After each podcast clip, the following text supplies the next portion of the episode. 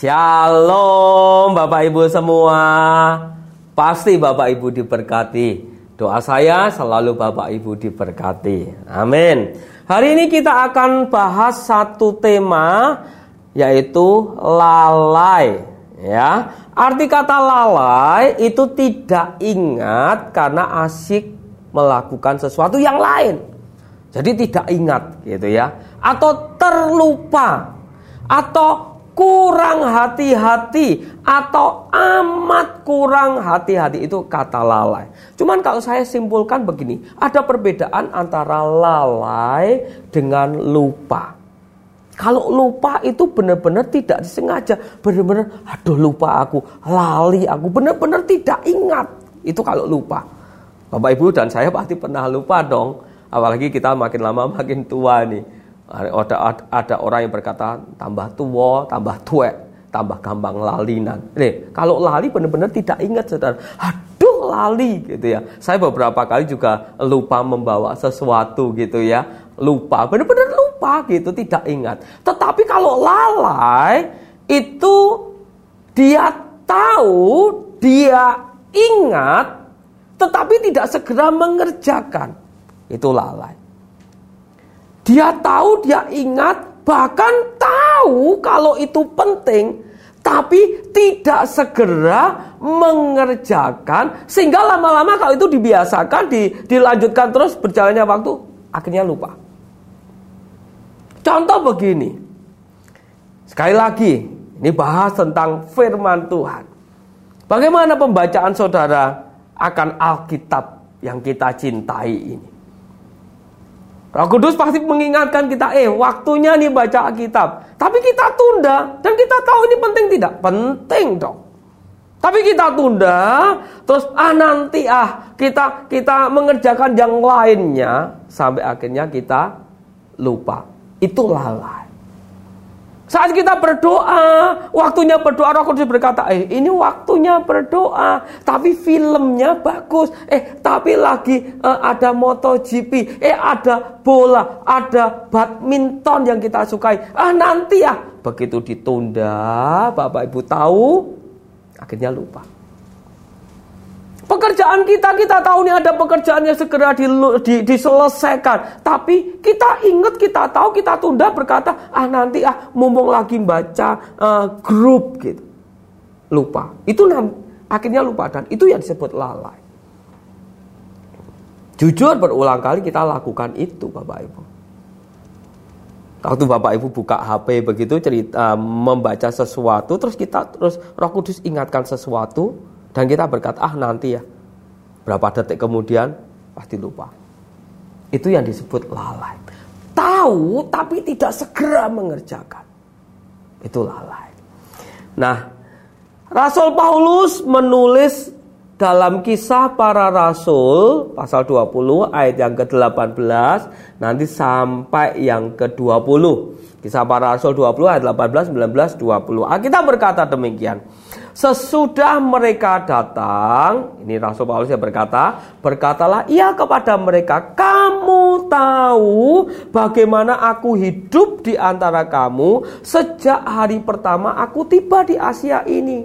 Ayat 19, dengan segala rendah hati aku melayani Tuhan. Ini yang dikatakan Rasul Paulus. Dalam pelayanan itu aku banyak mencucurkan air mata dan banyak mengalami pencobaan dari pihak orang Yahudi yang mau membunuh aku. Perhatikan ayat 20 ini menarik Bapak Ibu. Sungguh pun demikian walaupun Paulus ini mengalami banyak masalah uh, sangat sibuk kalau kita sibuk dengan pelayanan atau pekerjaan di sibukkan dengan banyak hal dan ini bahkan bukan hanya sibuk saja.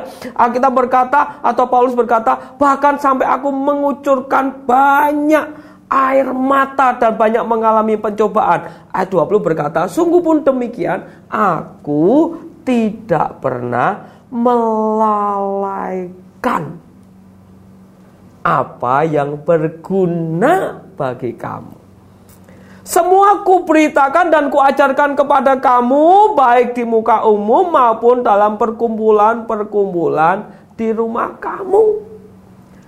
Rasul Paulus sesibuk apa pun dia mencatat Sungguh pun demikian, aku tidak pernah melalaikan. Melalaikan apa Bapak Ibu? Apa yang berguna bagi kamu. Nah Bapak Ibu yang dikasih oleh Tuhan kita sering kali melalaikan apa yang sangat penting bahkan sangat bermanfaat, berguna bukan hanya bagi diri kita sendiri, bukan hanya bagi keluarga kita tapi berguna bagi orang lain. Dan kita punya banyak alasan itu yang disebut melalaikan atau lalai. Nah manusia ini punya segudang alasan Bapak Ibu.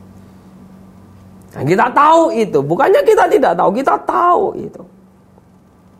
Dalam hal apa pun juga, dalam pekerjaan, dalam pelayanan, dalam keluarga, dan macam-macam, saudara. Makanya kalau kita teringat sesuatu, dan ini penting, berguna, bermanfaat, segera.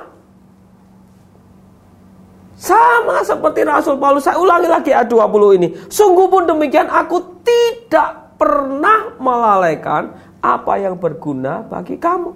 Semua ku beritakan dan ku ajarkan kepada kamu, baik di muka umum maupun dalam perkumpulan-perkumpulan di rumah kamu. Komsel, M3, saudara.